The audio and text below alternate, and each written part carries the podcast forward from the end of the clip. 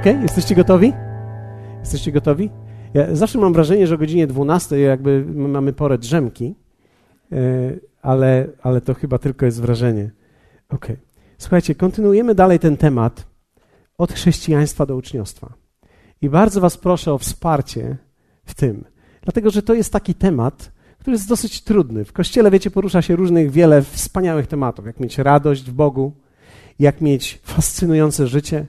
Porusza się też takie tematy, jak mieć szczęście i zwycięstwo w życiu, ale czasami patrzymy nawet na słowo i możemy dostrzec, że Jezus od czasu do czasu, nie przez cały czas, ale od czasu do czasu miał tendencję do zniżania głosu i do mówienia rzeczy nieco ciszej, tak jakby miał objąć nie do końca wszystkich, ale jakby mówił do szczególnej, wybranej grupy ludzi i zdradzał im wtedy wyjątkowe tajemnice. I ja się czuję w takim momencie w sezonie kościoła, że pomyślałem, że ten moment, kiedy mamy mniejsze spotkania, kiedy jesteśmy, tak trosz, troszeczkę przypomina mi to bardziej te, te, spotkania z Gnieźnieńskiej jeszcze ulicy, wiecie, kiedy niektórzy z was może słyszeli o tym, ale kiedyś mieliśmy tam budynek. Teraz tam jest już trawa zielona i, i tam już nic nie ma, ale pamiętam wtedy te spotkania, były niesamowite. Ja byłem troszkę młodszy miałem więcej włosów, ale, ale to były ale to były niesamowite rzeczy. I teraz pomyślałem sobie, że kiedy mamy troszkę bardziej kameralne ten, to, to, to spotkanie i kiedy jesteśmy w bliższym troszkę gronie, to wykorzystam to na to, aby wprowadzić Was w nieco bardziej głębsze tematy, które prawdopodobnie swoją kulminację będą miały e, w tą niedzielę najbliższą, ponieważ pastor Nancy przyjedzie z tym słowem, który będzie, myślę, że kulminacją tego wszystkiego, o czym mówiłem. Ale ja już jej powiedziałem, co będę mówił dzisiaj, i ona była bardzo podekscytowana, tak bardzo, wiecie, kobiety, gdy się ekscytują, ona płacze. Więc ona się rozpłakała, gdy usłyszała o tym, co będę mówił, powiedziałem jej wszystko. I opowiedziałem jej, i ona powiedziała, to genialne jest, to będzie niesamowite dla tych ludzi, i kiedy ja przyjadę, dopełnię wszystkiego. Więc jestem przekonany, że to są takie chwile, w których być może e, nie jest to taki festiwal radości, ale wierzcie mi, poza tym, poza tą przeszkodą jakiejś takiej ściany, takiego zamyślenia być może, które powoduje ten temat, jest pewna radość, która jest poza tym. I zachęcam Was, abyście w to weszli całym sobą. Jesteście gotowi? Jesteście gotowi? Pamiętacie? Ewangelia Mateusza to był nasz fundamentalny fragment, który zaczynaliśmy. A Jezus przystąpiwszy, rzekł do nich te słowa, do swoich uczniów, gdy przyszedł. Powiedział: Dana mi jest wszelka moc na niebie i na ziemi. Idźcie tedy i czyńcie uczniami wszystkie narody, chrzcząc je w imię Ojca i Syna i Ducha Świętego, ucząc je przestrzegać wszystkiego, co wam przykazałem. A oto ja jestem z wami po wszystkie dni, aż do skończenia świata. Idźcie tedy i czyńcie uczniami. Wiecie, Jezus nie posłał swoich uczniów, aby czynili chrześcijan, ale mówiliśmy o tym, że idźcie i czyńcie uczniami, ucząc je. Inaczej mówiąc, wiecie, to jest niesamowite, że można spotkać Jezusa i On coś dokona, czegoś dokona w Twoim życiu, ale można również podążyć za Jezusem. Rozmawiając z Oliwią, e, doszliśmy do takiego wniosku, że wiecie, w życiu każdego człowieka Jezus od czasu do czasu się przydaje. Inaczej mówiąc, każdy człowiek w pewnym okresie swojego życia to mu z Jezusem będzie po drodze. Przynajmniej kawałek. Można powiedzieć, że tak dołączy do Jezusa, w którą stronę idziesz, w tamtą, ja też, więc idziemy przez chwilę razem. Chrześcijaństwo to jest jakby wejście na drogę z Jezusem, ale uczniostwo to jest podążenie drogą Jezusa. To jest troszeczkę inaczej, bo to nie jest tak, że jest mi po drodze, już teraz straciłem swoją drogę, już teraz poszedłem za nim, ponieważ on stał się moją drogą.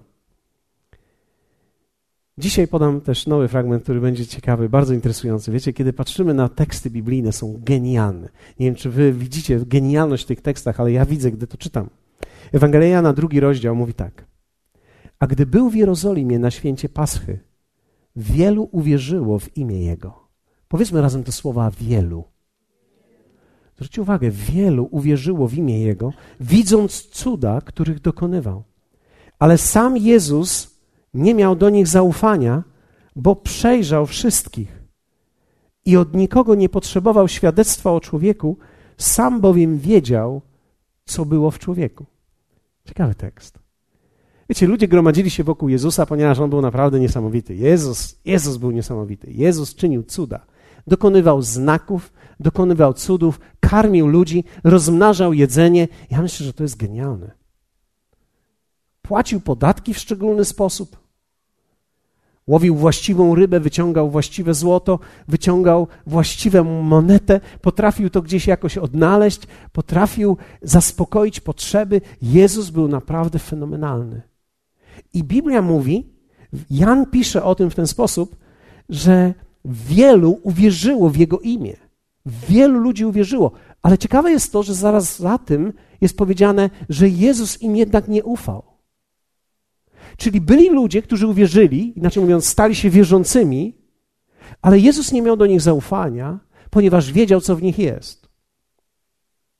Wiecie, problem czasami w życiu jest taki, że człowiek z ekscytacji w Jezusie cieszy się tym wszystkim, co otrzymał od Jezusa, ale nie jest świadomy tego, co go w dalszym ciągu trzyma i co jest w dalszym ciągu w jego pakiecie, który jest w nim. Inaczej mówiąc, człowiek może być wierzącym, a jednocześnie coś ma wewnątrz siebie, co go eliminuje z tego, aby Jezus mógł mu zaufać. Wiem, że to nie brzmi jak wspaniała i dobra wiadomość, ale wierzcie mi, to jest prawdziwe. Dlaczego tak jest? Ponieważ ludzie w tamtym czasie nie mieli Ducha Świętego. I ponieważ nie mieli Ducha Świętego, nie mieli objawienia, co w nich naprawdę jest. Wiecie, chrześcijaństwo to nie jest tylko coś takiego, że przychodzę do Boga, On czyni mnie zbawionym i od tego momentu jest już wspaniale. Raczej bym powiedział, ekscytujemy się przez chwilę tym, co Bóg dla nas zrobił i mamy tak zwany miodowy miesiąc, ale później Duch Święty zaczyna objawiać nam w tym procesie rzeczy, które są dalej w nas. I okazuje się, że w nas trochę jest. Czy ktoś z Was kiedyś zbulwersował się sam sobą? Wow. Pamiętam, kiedy już szedłem z Bogiem parę lat, wydawało mi się, że wiecie, ja już jestem fruwający. Ja już jestem w niebie. Ja się czułem, że jestem w niebie.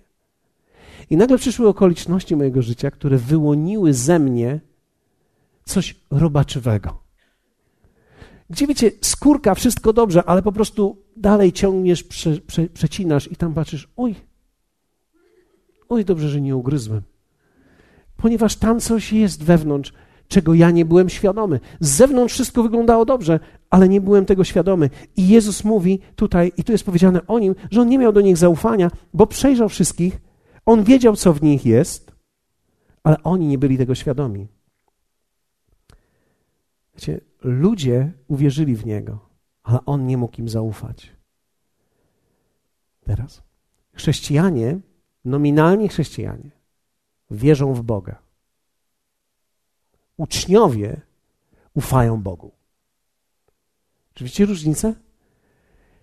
Chrześcijanie nominalnie po prostu wierzą. Wierzą, że On jest.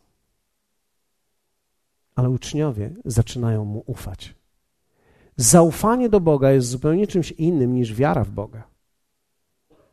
Często na Alfie podawany jest ten przykład człowieka, który jeździł rowerem nad wodospadem na linie. I jeżdżąc nad tym wodospadem, wszyscy przyglądali się temu, jak on to robi. I on zadawał pytanie, jak wielu z was wierzy w to, że jestem w stanie przejechać po tej linii jeszcze raz? Ci, którzy widzieli, jak zrobił to poprzednio, pomyśleli, no oczywiście, że tak, widziałem to. Więc podnosili ręce, mówili tak. I on pojechał jeszcze raz i wrócił z powrotem. Jak wielu z was wierzy w to, że mogę jeszcze raz to zrobić? Wszyscy wtedy już wierzyli, którzy tam byli i widzieli to wcześniej. Jak wielu z was wierzy w to, że jestem w stanie przewieźć człowieka? który będzie siedział za mną. Wziął jakiegoś swojego przyjaciela, przewiózł go w jedną stronę, przewiózł go w drugą stronę. Jak wielu z was teraz wierzy, że jestem w stanie to zrobić? Wszyscy, którzy to widzieli, powiedzieli, my wierzymy. Mówię, okej, okay. jak wielu z was teraz, kto z was będzie chętny, żeby usiąść razem ze mną? Kto z was będzie chętny, żeby usiąść ze mną i pojechać? I okazuje się, że wtedy nie ma aż tak wielkiego aplauzu. Wiecie, wiara w coś, a zaufanie to są dwie różne rzeczy. Niektórzy ludzie mówią: Ja wierzę w Boga. Pytanie życiowe nigdy nie jest, czy w niego wierzysz, bo Biblia z drugiej strony mówi, że demony również wierzą. Pytanie jest, czy jemu ufasz. Dlatego, że zaufanie do Boga zmienia wszystko w życiu. Wszystko, absolutnie wszystko. Dzisiaj chciałbym podzielić się z Wami i powiedzieć Wam o trzech decyzjach, które wszyscy uczniowie muszą podjąć. Spotkałem kilku uczniów w swoim życiu. Analizowałem ich, rozmawiałem z nimi. I wiecie, oczywiście to są chrześcijanie, mam na myśli, wszyscy rozpoczynają w ten sam sposób. Zaczynają wierzyć, oddają swoje życie Jezusowi. Ale kiedy patrzę na słowo i patrzę na ich życie, i kiedy rozmawiam z nimi, okazuje się, że te trzy decyzje główne to jest tajemnica uczniostwa. Te decyzje są progresywne. Inaczej mówiąc, nie można podjąć ostatniej przed podję bez podjęcia pierwszej, trzeciej bez podjęcia drugiej. W pewnym sensie podejmujemy decyzje jedna po drugiej w procesie życia. I ktoś może z Was powiedzieć, no ale po co nam to dzisiaj? Dobrze, że zadałeś to pytanie, ponieważ ja wierzę w to, że Kościoła, który jest w Bożym sercu, nie da się zbudować tylko z ludzi wierzących. Ale Kościół i Ewangelię niosą na sobie uczniowie. A żeby stać się uczniem, trzeba podjąć te kolejne decyzje. Jesteście gotowi na te decyzje? One będą niesamowite, ale też z drugiej strony chcę, żebyście wiedzieli, one nie wywołają nas w ogóle prawie aplauzu. To nie są takie decyzje, wiecie, na jakieś fantastyczne show, amerykańskie spotkanie. To są takie trochę decyzje, jakby takie bez takiego. Hmm, gdy zaczynamy je czytać i zaczynamy widzieć je i zaczynamy je poznawać, one raczej wytwarzają w nas taki rodzaj obawy. Bardziej obawy niż ekscytacji. Pierwsza z nich. Jesteście gotowi? Uwaga. Porzucili wszystko. Przeczytajmy najpierw fragment. Ewangelia Mateusza, czwarty rozdział. Jezus mówi tak. A Jezus, no nie, nie mówi, ale czytamy. A Jezus, idąc wzdłuż wybrzeża Morza Galilejskiego, ujrzał dwóch braci. Szymona zwanego Piotrem i Andrzeja, brata jego, którzy zarzucali sieci w morze, byli bowiem rybakami i rzekł do nich: Pójdźcie za mną, a zrobię was rybakami ludzi.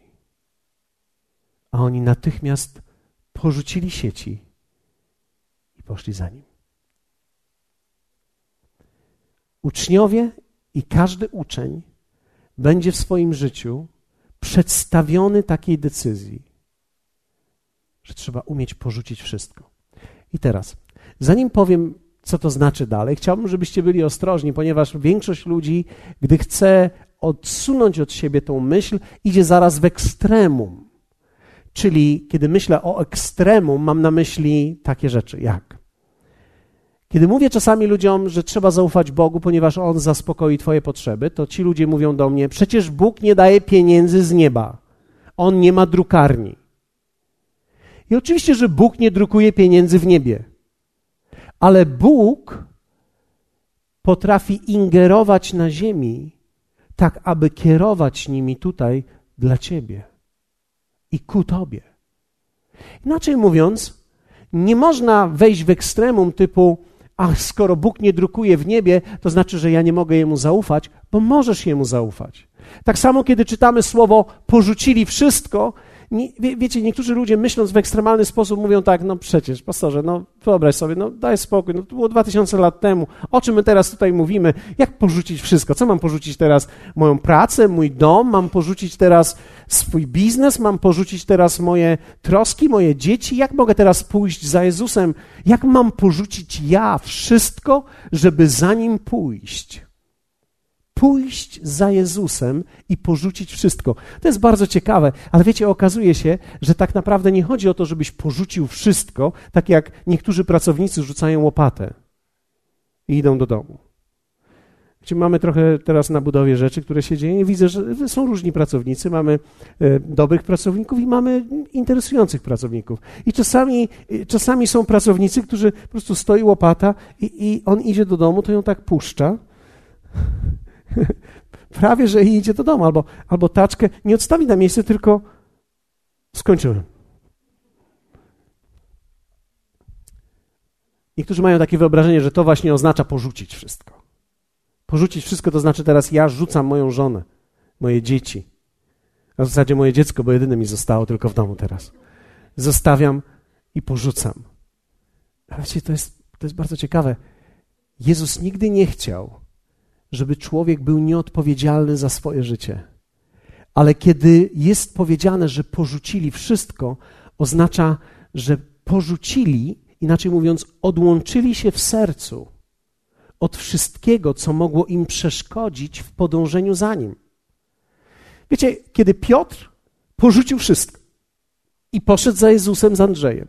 Jak wielu z Was wie o tym i pamięta, że Piotr był żonaty. Miał żonę. Miał dzieci. Miał teściową. Kto z Was pamięta, jak Jezus uzdrowił teściową Piotra? I teraz porzucić wszystko musiałoby oznaczać, jeśli byśmy to rozumieli ekstremalnie, że on tak naprawdę nie przestał się troszczyć o nich. Przestał się troszczyć o, o, o mamę swoją, o mamuśkę swoją teściową, przestał się troszczyć już o swoją żonę, przestał się troszczyć o dzieci, a jednak później słyszymy, że Jezus uzdrawia teściową. To znaczy, że teściowa musiała rozmawiać dalej z Piotrem. Gdyby ją Piotr porzucił, to żadna teściowa by nie chciała rozmawiać z Piotrem. Wielu z was ma teściową, to wie o tym, że jak porzucisz jej córunię, to już ona z tobą nie będzie rozmawiała. Niektórzy znają to z autopsji, więc wiedzą, jak to jest. On tak nie porzucił. On odłączył się nie w sposób nieodpowiedzialny, w sposób odpowiedzialny, ale nie pozwolił, aby to, co robi w danym momencie i aby to, co się dzieje w jego rodzinie, powstrzymało go w tym, aby pójść za Jezusem. I wcale nie trzeba odłączyć się od złych rzeczy, ponieważ wiecie, żeby pójść za Jezusem, wcale nie trzeba porzucić tylko i wyłącznie grzechu, ale my mówimy tu o odłączeniu się nawet od dobrych rzeczy, aby nic nie było tym, co mnie oddziela od Jezusa. Moje pytanie dzisiaj jest do Ciebie takie: co Ty musisz porzucić w swoim życiu, żeby być wolnym, aby pójść za Nim dalej? Co mogłoby powstrzymać Ciebie? Ponieważ jestem przekonany, że każdy człowiek, absolutnie każdy, kto będzie chciał pójść za Jezusem, będzie musiał coś zostawić i będzie musiał coś porzucić.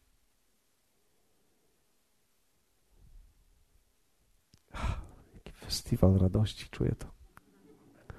Rozumiem Was, ponieważ są to decyzje, które są bardzo trudne czasami. Pamiętam historię z naszego kościoła i historię uczniów, których miałem okazję poznać.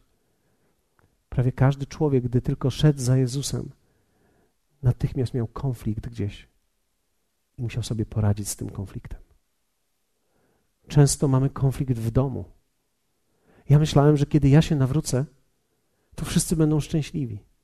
Mając 16 lat, oddałem swoje życie Jezusowi, wróciłem do swojego domu, moja mama mnie przywitała, ciocia moja akurat mnie odwiedzała wtedy i, i ja mówię, mamusiu, ciociu, nawróciłem się, Jezus jest teraz moim Panem. Moja mama poważnie spojrzała na mnie. Martwię się o ciebie. Naprawdę jestem zmartwiona. Co się z tobą stało?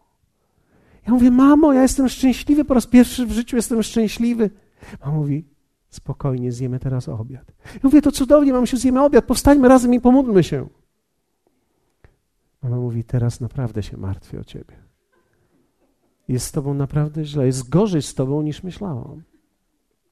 Mamo, ja spotkałem Jezusa. Wiecie, to jest ciekawe, że ludziom nie przeszkadza krzyż na ścianie, ale będzie przeszkadzała zawsze osoba Jezusa. Bo to nie pamiątki zmieniają nasze życie, ale osoba zmienia nasze życie. ja przyjechałem, powiedziałem: Mamo, ja teraz będę chodził do kościoła tak często, jak tylko się da. Co z tobą będzie, moje dziecko? Zachorowałeś? Jest poniedziałek, ja mówię, mamo, jest poniedziałek, idę do kościoła.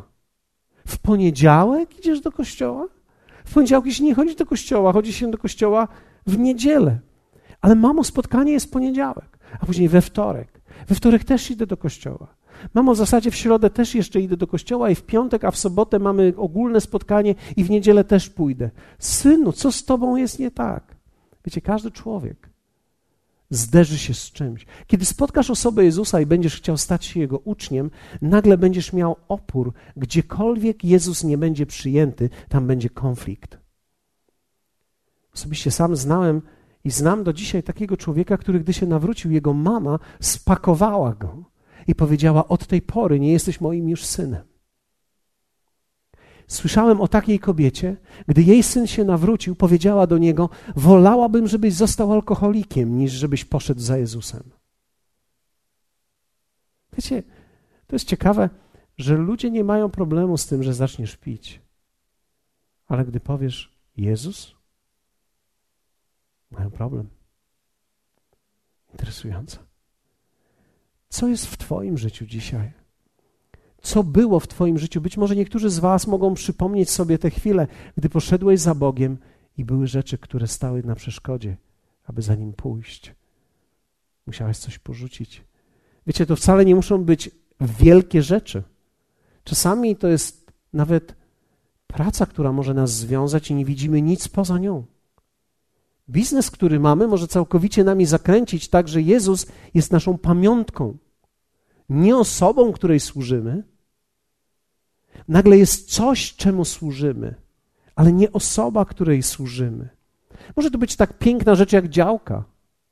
Wiecie, działkę trzeba dobrze, o nią trzeba zadbać, działkę trzeba przekopać, działkę trzeba, wiecie, podlać, i, I, nigdy nie ma dobrego czasu, żeby służyć Bogu, więc tak naprawdę nasze życie może być zajęte wieloma różnymi rzeczami.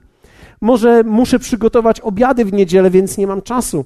Albo potrzeba wypoczynku. Wiecie, są ludzie, którzy cały czas chcą wypoczywać, bo cały czas są zmęczeni. Ja chcę powiedzieć tak, gdy będziesz miał owocne życie, w owocnym życiu jest wiele wypoczynku. Najbardziej męczą się nie ci, którzy dużo pracują, tylko najbardziej męczą się ci, którzy pracują nieowocnie. Owocna praca przynosi wiele radości i wiele odpocznienia. Owocna praca napędza człowieka, nie męczy człowieka. Męka w życiu jest znakiem biegania w miejscu. Wczoraj, kiedy oglądałem Eurowizję, pomyślałem sobie, jakiż to wspaniały przykład tego pana, który biegał w tym kółku. Chciałem wypo... Kto z was oglądał? Ja chciałem wypożyczyć od niego to kółko. Kiedy on biegł w tym kółku, pomyślałem sobie, no idealne zestawienie na spotkanie, które mieliśmy tydzień temu. Tak jak myszka, która biega i biegnie, zmęczy się, ale nigdzie nie dobiegnie. Każdy uczeń będzie musiał w życiu coś zostawić. Absolutnie każdy. Powiedzmy razem każdy. Każdy. Coś, co może mieć szczególną wartość dla ciebie. Dlatego to nie jest tak, że wszyscy rzucamy to samo. To jest tak, że coś, co jest szczególną wartością dla Twojego życia. Ja nie wiem, co to jest. Ty wiesz. Ty wiesz, bo tylko to jest wewnętrzną Twoją wiedzą. Ty wiesz, co trzeba zostawić. Ty wiesz, co musi nabrać dystansu w Twoim życiu do Ciebie, aby Jezus i Jego droga mogły być w dalszym ciągu atrakcyjne. Wow. Niektórzy mówią: O ludzie, o czym ty opowiadasz? Pozostawić wszystko? Ja przecież tylko z Jezusem. Wiecie, są mężczyźni, którzy chodzą na dyskoteki albo na zabawy, podrywają tam dziewczyny, ale oni nie mają nic poważnego na myśli. To jest tylko tak na tej zasadzie: zabawmy się teraz. Jest fajnie teraz. Wyobraź sobie, że idziesz na taką dyskotekę, ja nie wiem, czy to kobiety sobie mogą wyobrazić, ale wyobraź sobie, postarajcie się. Wyobraź sobie, że, że idziesz i, i nagle mówisz, a ja bym chciał zatańczyć z tobą. A dziewczyna odwraca się do ciebie i mówi, ja szukam męża.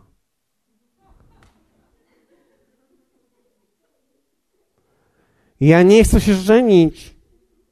Ja chcę tylko potańczyć, ewentualnie. Ewentualnie, ale może śniadanie ewentualnie, ale, ale bez przesady. Tu nie chodzi o nic poważnego. Niektórzy tak traktują właśnie chrześcijaństwo, że o mój Boże, no bez przesady, ja na dyskotekę tylko wpadłem na chwilę, tanio, tanio, prawda, I, i, i jest wszystko dobrze. Przecież nie potrzebujemy się żenić od razu. Zamieszkajmy najpierw, pożyjmy ze sobą 20 lat. Jak się w końcu dotrzemy, to wtedy podejmiemy tą życiową decyzję.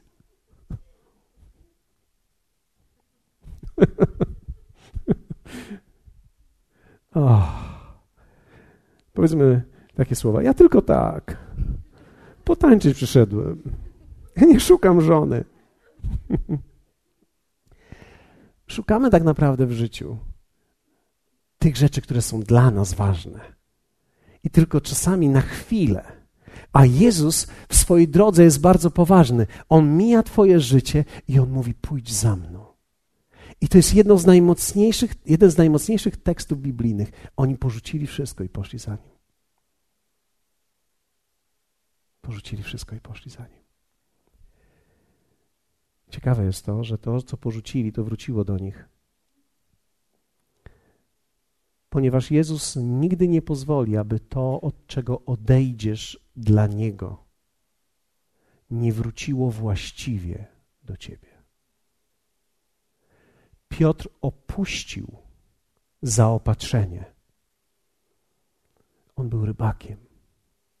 I w tym momencie zostawił dla drogi Bożej zaopatrzenie dla siebie i swojego domu. I zanim Jezus poszedł do nieba, zadał takie pytanie im. W Łukasza 22 czytamy. Rzekł do nich: Gdy was posłałem bez trzosa, bez torby, bez sandałów, czy brakowało wam czegoś? Uczniowie siedzą i patrzą. Niczego. Inaczej mówiąc, wszystko to, co człowiek jest w stanie opuścić ze względu na niego,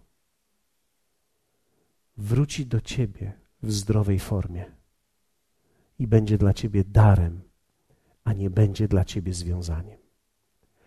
Ja widziałem ludzi, którzy nie opuścili i stało się to dla nich pułapką. Bo Bóg wie, co jest dla ciebie dobre. Wiecie, jedna z najgorszych rzeczy, która się może wydarzyć w Twoim życiu czasami, to jest, gdy Bóg wysłucha Twojej modlitwy. Czasami rozmawiam z desperatkami, które mówią: A chcę męża. Męża chcę. No to masz. A po pewnym czasie jest, ale nie takiego. No, to taki był. A tu ja już nie chcę. Ale Pan ci go dał. Teraz musisz z nim być do końca życia. O Boże, Panie, cofnij czas. Odwracam tą modlitwę. Wtedy Bóg mówi, to co mam go teraz zabić? Panie, zrób coś z nim. Wtedy kobiety zmieniają się i zaczynają modlić się teraz o zbawienie tego męża. I to jest, to trwa mniej więcej całe życie.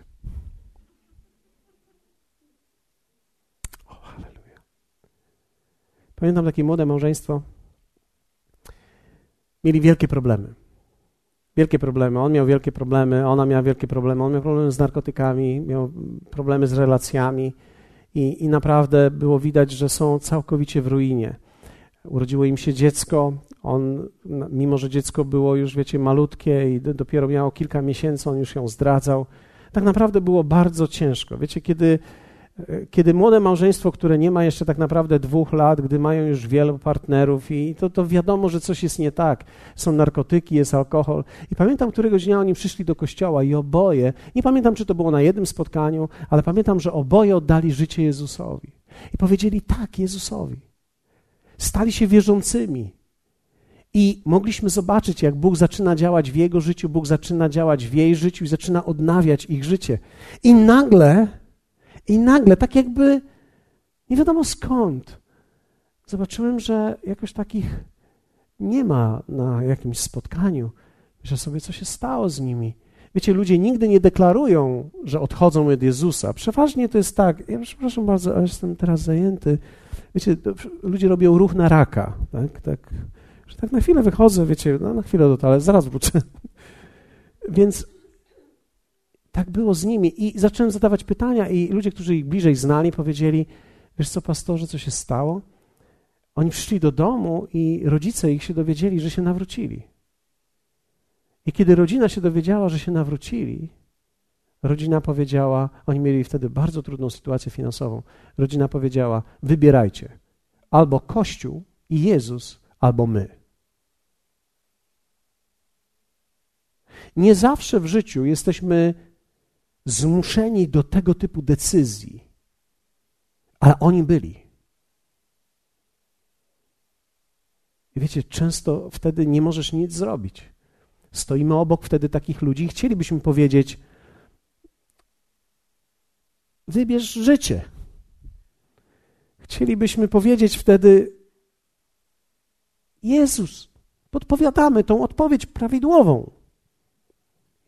Bóg mówi w swoim słowie: to daje życie i śmierć. Wybierz, wybierz życie. Jeszcze podpowiada nam, która jest odpowiedź prawidłowa z tych dwóch. On mówi, wybierz życie. I, I kiedy oni stanęli w takiej sytuacji, my, którzy byliśmy blisko, modliliśmy się o nich i tak jakby z zaparciem pewnym czekaliśmy na ich tą decyzję. Zaparł nam dech, myśleliśmy sobie, mój Boże, co oni teraz zrobią? I wiecie, zaczęliśmy widzieć, że oni coraz mniej, coraz mniej i w końcu stwierdzili, nie, nie możemy pójść za Bogiem. Nikt tego tak nie deklaruje, ale gdzieś w sercu człowiek podejmuje decyzję. Czy zwróciliście, to jest ciekawe, zwróciliście uwagę kiedyś na to, że za Jezusem, żeby pójść, trzeba głośno zdeklarować tak. Ale żeby od Niego odejść, wystarczy zrobić to w ciszy.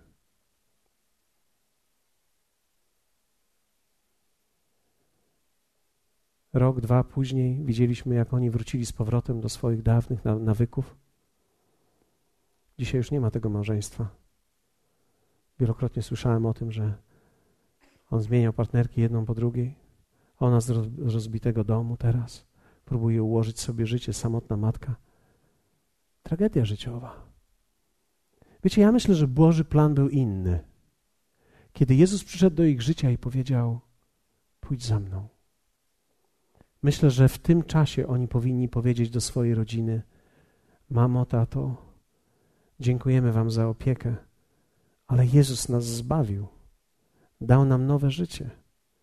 My sobie poradzimy jakoś. Będzie nam trudno, ale ufamy Jemu. I wsiadają na ten rower nad wodospadem.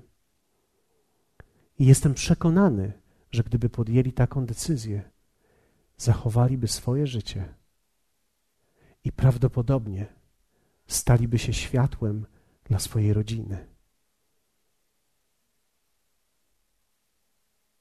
Ale bez mocnych decyzji nie ma uczniostwa. Jest tylko nominalna, nominalna wiara i wycofywanie się. I myślę, że wiecie o czym mówię. Myślę dzisiaj o Tobie i myślę o tych decyzjach, jakie Ty będziesz musiał podjąć w swoim życiu. To jest pierwsza decyzja. Druga.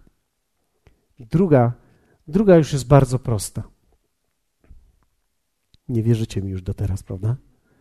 To jest trudna decyzja. Druga decyzja jest zostali, uczniowie zostali, gdy inni odchodzili.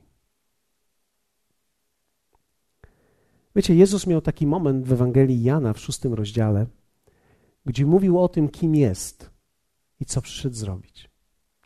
I mówił tam pewne tajemnice i dosyć trudne rzeczy i skomplikowane. Czy miałeś kiedyś w życiu taki moment, kiedy do końca nie wiedziałeś, o co Bogu chodzi? niby wszystko robisz właściwie, ale nie działa. Tak jakbyś nie wiedział, o co chodzi Bogu. I wiecie, wtedy jest największy test, kiedy my Jego nie rozumiemy, kiedy nie wiemy, co On do nas mówi.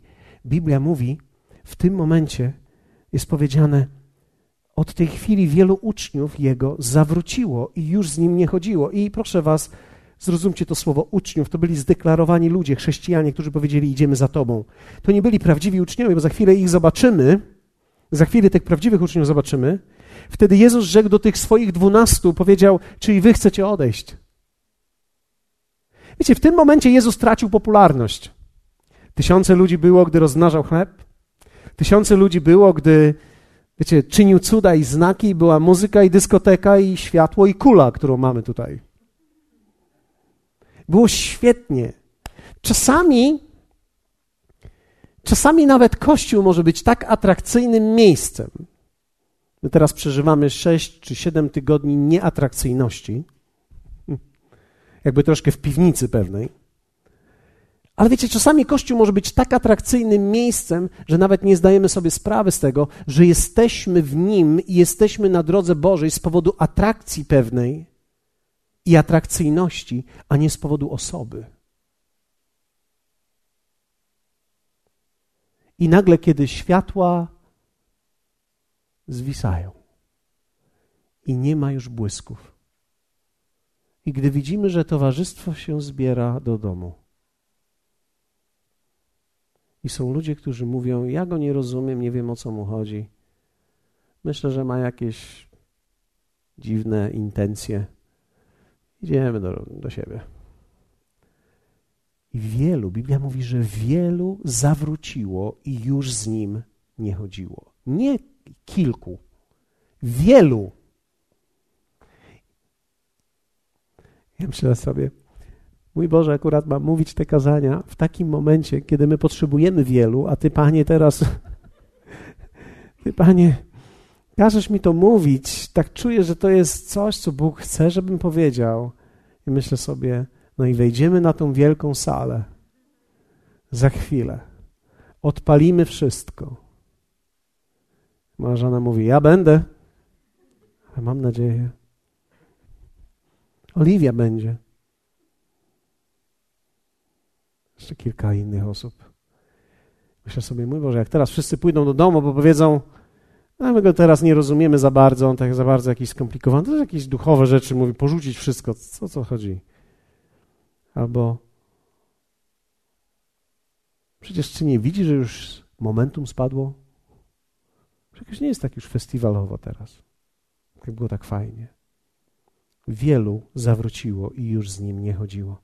I wtedy Jezus zadał pytanie, tym dwunastu. Czyli wy chcecie odejść. Piotr się zawsze wyrywał. To jest i dobrze, i źle. Czasami się wyrywał ku dobremu, czasami niedobrze. Znacie takich ludzi, którzy czasami mówią za dużo? Tym razem powiedział dobrze, powiedział: Panie, do kogo pójdziemy? Masz słowa życia. Poszliśmy za Tobą. Ty masz słowa życia wiecznego. I mówi tak, mówi to w imieniu wszystkim, wszystkich, a myśmy uwierzyli i poznali, że Ty jesteś Chrystusem, Synem Boga żywego. I to słowo poznali to jest greckie słowo ginosko, które oznacza doświadczyli. Piotr mówi tak, myśmy doświadczyli z Tobą takiego życia, którego nie mogliśmy doświadczyć wcześniej. Dlatego my nie mamy dokąd wracać. Wiecie, ja nie mam gdzie wrócić. Ponieważ to, co miałem, nie jest tak dobre jak to, co mam, z powodu Jego osoby w moim życiu. Człowiek musi umieć podjąć decyzję tak mocną za Jezusem, że doświadczy takiego życia, że nie ma do czego już wracać. Ciekawe jest, że Jezusa można zostawić, gdy wydaje się zbyt trudny lub skomplikowany. Nawet w kościele, wyobraźcie sobie, są momenty w życiu, sezony. Pamiętam, jak jeden z pastorów wspaniałego kościoła w Kanadzie przyjechał i powiedział: Kościół ma swoje sezony. Ma sezony, gdzie siecią nabiera ludzi i wygląda, jakby było przebudzenie. A później następuje czas oczyszczenia gdzie rzeczy trochę się nudzą, przestają być takie żwawe i takie jakieś ekscytujące, że bardziej jest tak jakby mozolność w tym. Troszkę przypomina bardziej to, jak idę na studia. Idę na studia, pójdę na studia. Jestem taki podekscytowany, że pójdę na studia. I ja poszedłem na studia i pamiętam, jak wróciłem i mówię, dostałem się na matematykę. Będę matematykiem. Czy to nie brzmi dumnie? Matematyka królowa nauk. Czy to nie brzmi dumnie? Dostałem się na studia. I to mniej więcej trwała ta ekscytacja do, do pierwszego kolokwium z analizy matematycznej, gdzie zrozumiałem wtedy, że matematyka nie ma piękna w sobie, o którym myślałem, i że tak naprawdę ja się w niej gubię, ja jestem zagubiony, ja jestem w ciemności, jeśli chodzi o matematykę. Zrozumiałem wtedy, że są ludzie, którzy ją rozumieją nie myśląc. I są tacy jak ja, którzy próbują wszystko wymyśleć i nic nie rozumieją w dalszym ciągu. I ekscytacja mija. Jest jakaś monotonia, trzeba się czegoś nauczyć, jest jakieś kolokwium, jest jakieś zwykłe, a, a dzisiaj pada i, i, i, i nie wszyscy przyszli. Okej. Okay. Są momenty, gdzie widzimy, jak nawet przyjaciele odchodzą. Jest to jeden z największych testów chrześcijaństwa. Jeden z największych testów chrześcijaństwa jest nie gdy ludzie odchodzą, ale bliscy Tobie, gdy rezygnują. Dlatego, że ludzie są bardziej związani z ludźmi często niż z Bogiem. Więc kiedy ten idzie, no to ja też idę, to, to, to, to idziemy, no? Ja też idę. Ale niewielu ludzi zostaje i tak do końca nie bardzo wiedzą, co mają zrobić. Panie, gdzie my pójdziemy? Ty masz słowa życia i myśmy tego doświadczyli. Trzecia decyzja. Ostatnia. Łatwe? Łatwe decyzje, prawda? Proste decyzje. Pocieszcie mnie, powiedzcie, że są proste decyzje. I przy, ja, ja dzisiaj postanowiłem mówić do was jak do uczniów. Mówię do was jak do uczniów. Zakładam, że jesteście wszyscy uczniami. Zakładam, zakładam dla, dla swojego mentalnego dobra. Trzecia, najważniejsza decyzja. Nie umiłowali swojego życia. W objawieniu 12 rozdziału, objawienie 12 rozdział, werset 11, czytamy takie słowa. A oni, czyli wierzący uczniowie, zwyciężyli go, zwyciężyli świat i szatana przez krew baranka, przez słowo świadectwa swojego i, tutaj kluczowe, i nie umiłowali życia swojego tak, by raczej je obrać niż śmierć. I ktoś z was może powiedzieć, ej, pastorze, nie przesadzajmy, co z tą śmiercią, tak dzisiaj wszystko trzeba rzucić i umrzeć trzeba. Nie przesadzaj, ale wiecie, kiedy mówię śmierć, ja nie mam na myśli śmierci, w ogóle śmierci, ani myślę, że słowo nie mówi tutaj do końca zawsze o śmierci w każdym wypadku, ale o śmierci względem siebie.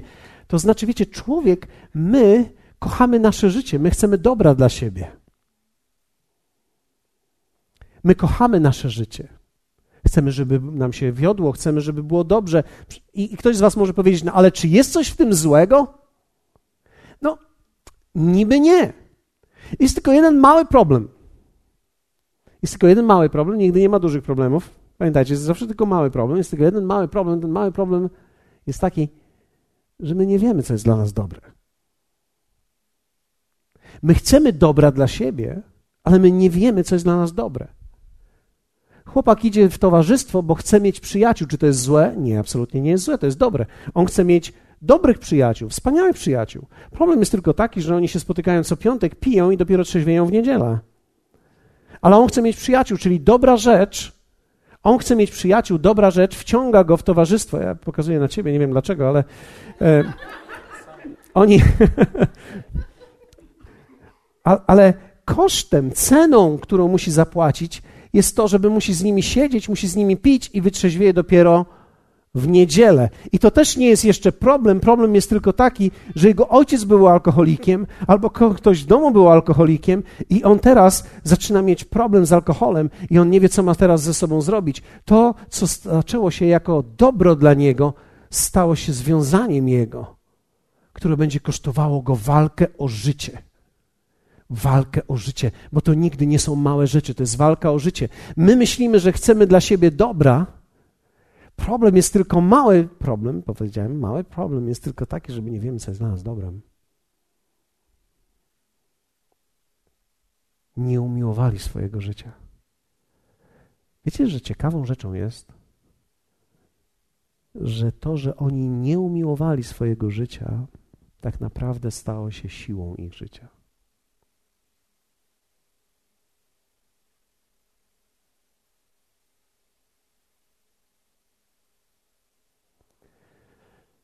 Czy to nie jest ciekawe? Że kiedy człowiek sam dla siebie przestanie być pępkiem świata, stanie się to siłą i rozwojem jego życia. Kiedy przestanę myśleć o sobie ciągle. Ja to, ja tamto, ja bym chciał tamto, jeszcze bym chciał to. I tak jak powiedziałem, wtedy nagle ten Jezus, naprawdę, Jezus jest świetny, On się przydaje. Jezus się naprawdę przydaje.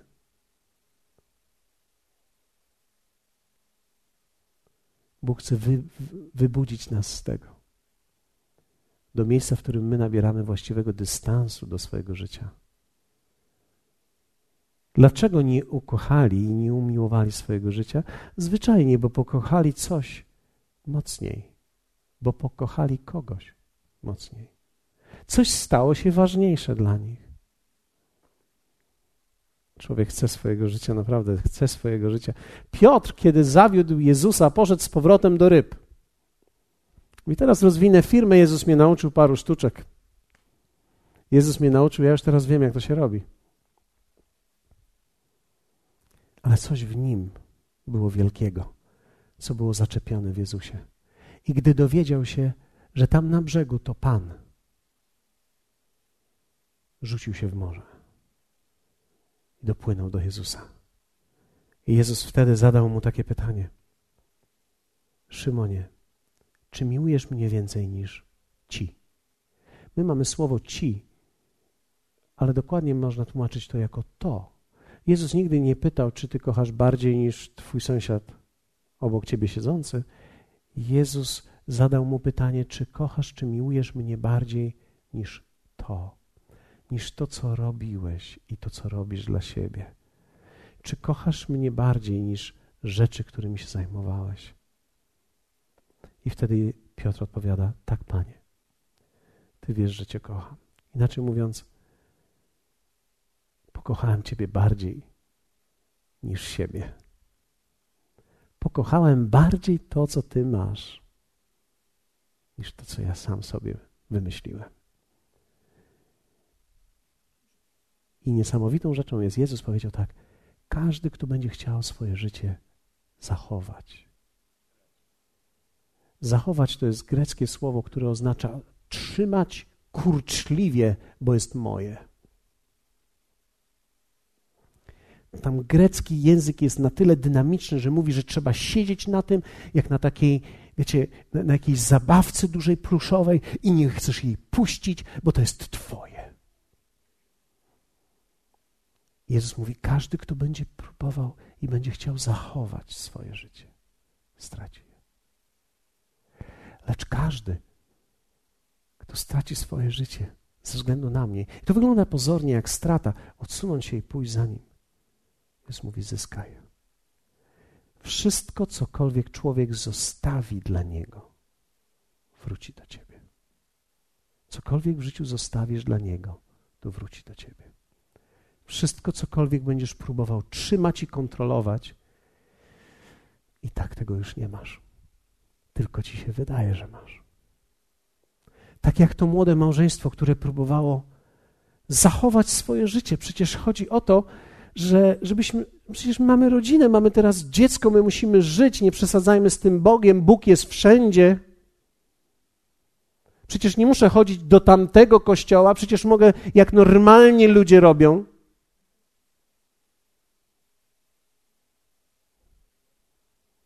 Próbowali zachować swoje życie i stracili je. Myślę dzisiaj o Tobie, o decyzjach, które Ty powinieneś podjąć. I chciałbym modlić się o Was dzisiaj, o wszystkich, którzy będą chcieli. Ja będę się modlił. Powstańmy razem. Czy jesteś dzisiaj gotowy, aby coś, co stoi na przeszkodzie pomiędzy Tobą a Jego wolą, abyś to mógł zostawić?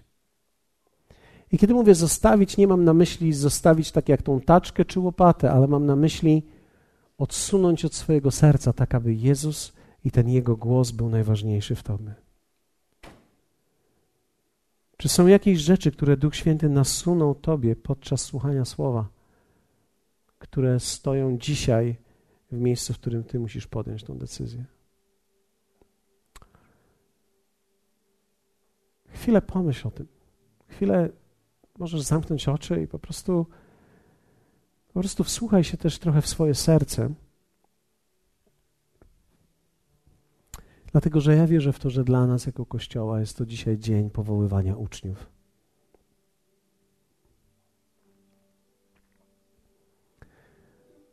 Wyobrażam sobie dzisiaj, że my wszyscy jesteśmy trochę tak jakby na brzegu i płuczemy swoje sieci życia. Płuczemy. I Jezus przechodzi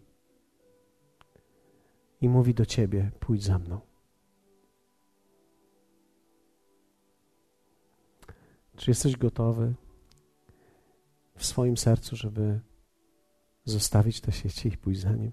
Czy jesteś gotowy, żeby podjąć pewne decyzje? Być może jesteś w sytuacji, gdzie twój przyjaciel nie przychodzi już do kościoła.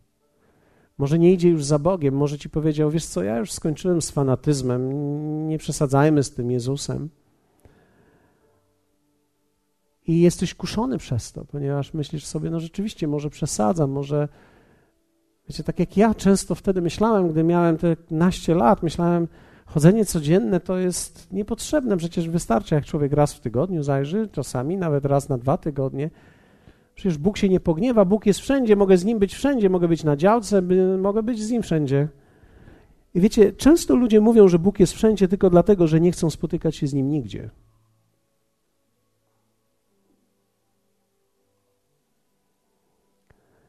ale muszę być z wami też szczery. Bóg nigdy nie powstrzymał mnie w tej gorliwości od pierwszych dni i nie powiedział mi: przesadzasz. Uczył mnie mądrości, czym prawdziwa gorliwość jest, ale nigdy mnie nie powstrzymał i dziękuję Bogu za to. Nie żałuję tych wszystkich spotkań, tych wszystkich wybieganych spotkań, gdzie chodziłem, czy to miało sens, czy nie miało sens, sensu. Ja chodziłem, byłem w tym, żyłem tym, modliłem się. Jak mi powiedzieli, że mam się modlić godzinę czasu każdego dnia, bo taki był pomysł na życie, to ja godzinę czasu zapalałem świecę i modliłem się przy świecy godzinę. Bolały mnie nogi, zastanawiałem się po 15 minutach, o co się jeszcze można modlić, skoro już o cały świat się modliłem, już mi nikt nie został. I pomyślałem, teraz muszę 45 minut przeczekać, i nikt mi nie powiedział, że mogę wstać, bo uczono mnie wtedy, że, że prawdziwa modlitwa to na kolanach. Więc wiecie, wiele rzeczy wydawałoby się, że robiłem jakby bez sensu, ale z drugiej strony myślę, że Jezus widział moje serce i determinację, i On widzi Twoje decyzje, i On Cię nigdy nie powstrzyma. Bóg nigdy nie nauczy Cię fanatyzmu. On wykorzysta Twoją gorliwość, aby nauczyć Cię prawdziwego życia z Nim.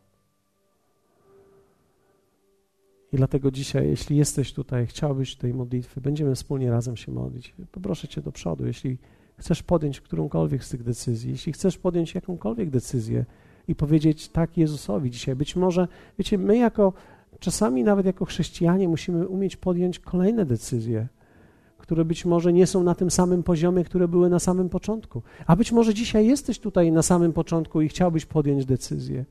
I po, bo, ponieważ gdzieś w środku mówisz, ja jestem jakby na początku drogi, do końca się nie orientuję, ale słyszę, jak to Jezus woła mnie i mówi: pójdź za mną, więc chcę, chcę to usłyszeć, chcę być posłuszny temu słowu.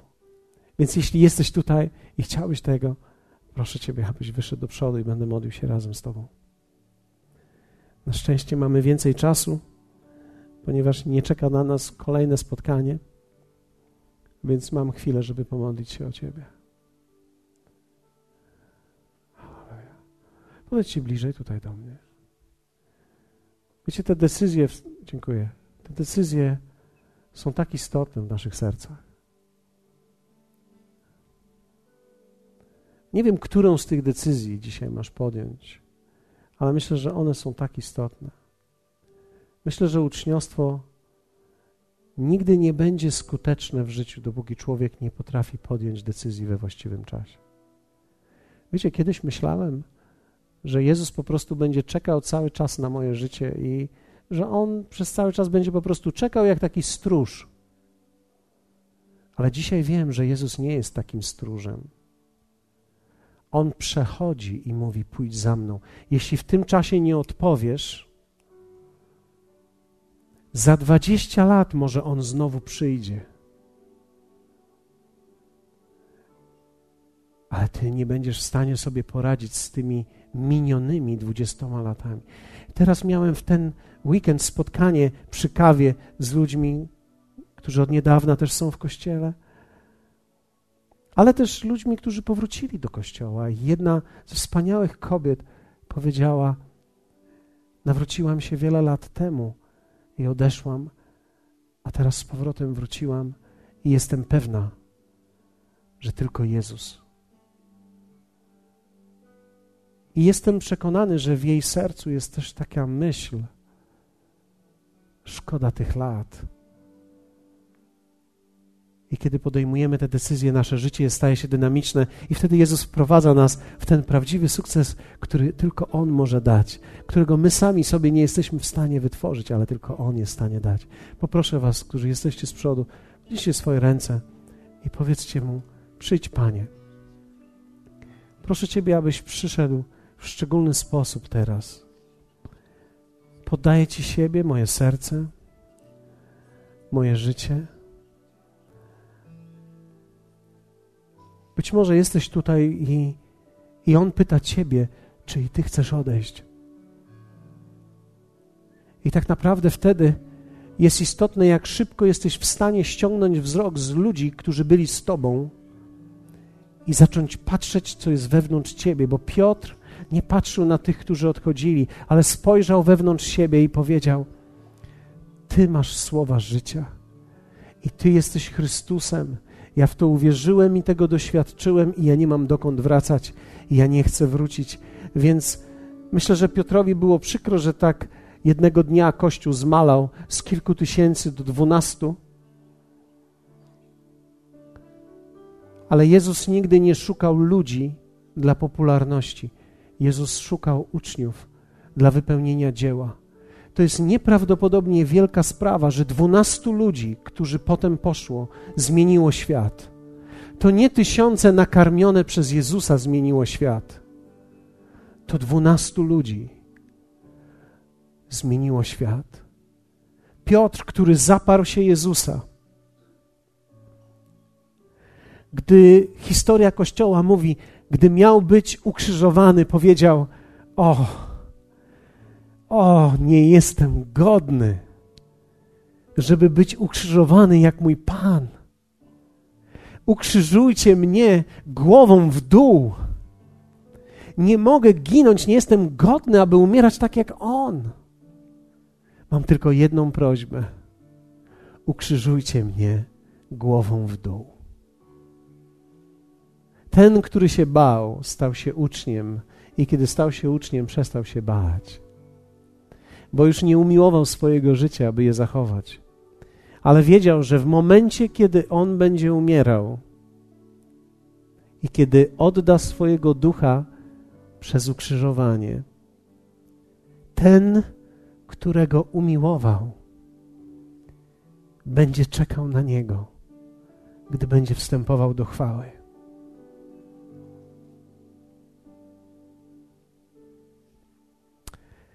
Ojcze, błogosławię każdą z tych osób teraz. Każdą decyzję, którą podejmują. Ojcze, dziękuję Ci, że jesteś tutaj i że jesteś w ich życiu. Dziękuję Ci za ich przemianę. Proszę Ciebie, daj im siłę. Wskaż im to, co jest w ich sercach. Wskaż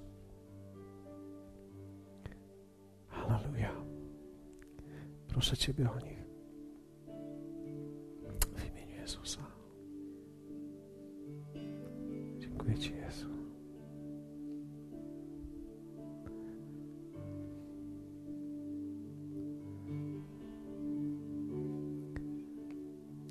Uczniowie nie szukają splendoru, nie szukają wielkich rzeczy, szukają woli Ojca. Cieszą się, gdy mogą ją pełnić, nawet gdy ona prowadzi ich do więzienia. Apostoł Paweł, gdy z Sylasem zostali wtrąceni z powodu słowa, które głosili, nie pomyśleli sobie, hmm, gdzie jest ten wyczekiwany przez nas sukces, który Jezus nam obiecał? Oni wtedy powiedzieli: To nie ma znaczenia, co się z nami dzieje. Nie umiłowaliśmy naszego życia na tyle, aby je bardziej wybrać i pokochać niż Jego życie. I śpiewali tam. Ciekawe jest, że gdy śpiewasz w więzieniu, zawsze cię ktoś usłyszy. Ludzie, którzy potrafią śpiewać w więzieniu swojego życia, ktoś ich usłyszy. I usłyszał ich strażnik. I powiedział: Mężowie, bracia, co mam uczynić, abym był zbawiony, abym miał to samo, co wy macie? Gdy ty zaczynasz śpiewać, gdy nawet jest trudno i gdy Pan prowadzi cię do trudnego momentu, miejsca, dzieje się coś niesamowitego. Ktoś chce tego, co ty masz. Największa niewola życia to jest próbować zagarnąć życie. Największa wolność życia to jest oddać swoje życie. Kiedy budujemy ten budynek, w zeszłym tygodniu, gdy wyszedłem z sali, Pan powiedział do mnie: Nie budujesz go dla siebie. To nie jest pomnik Pawła Godawy.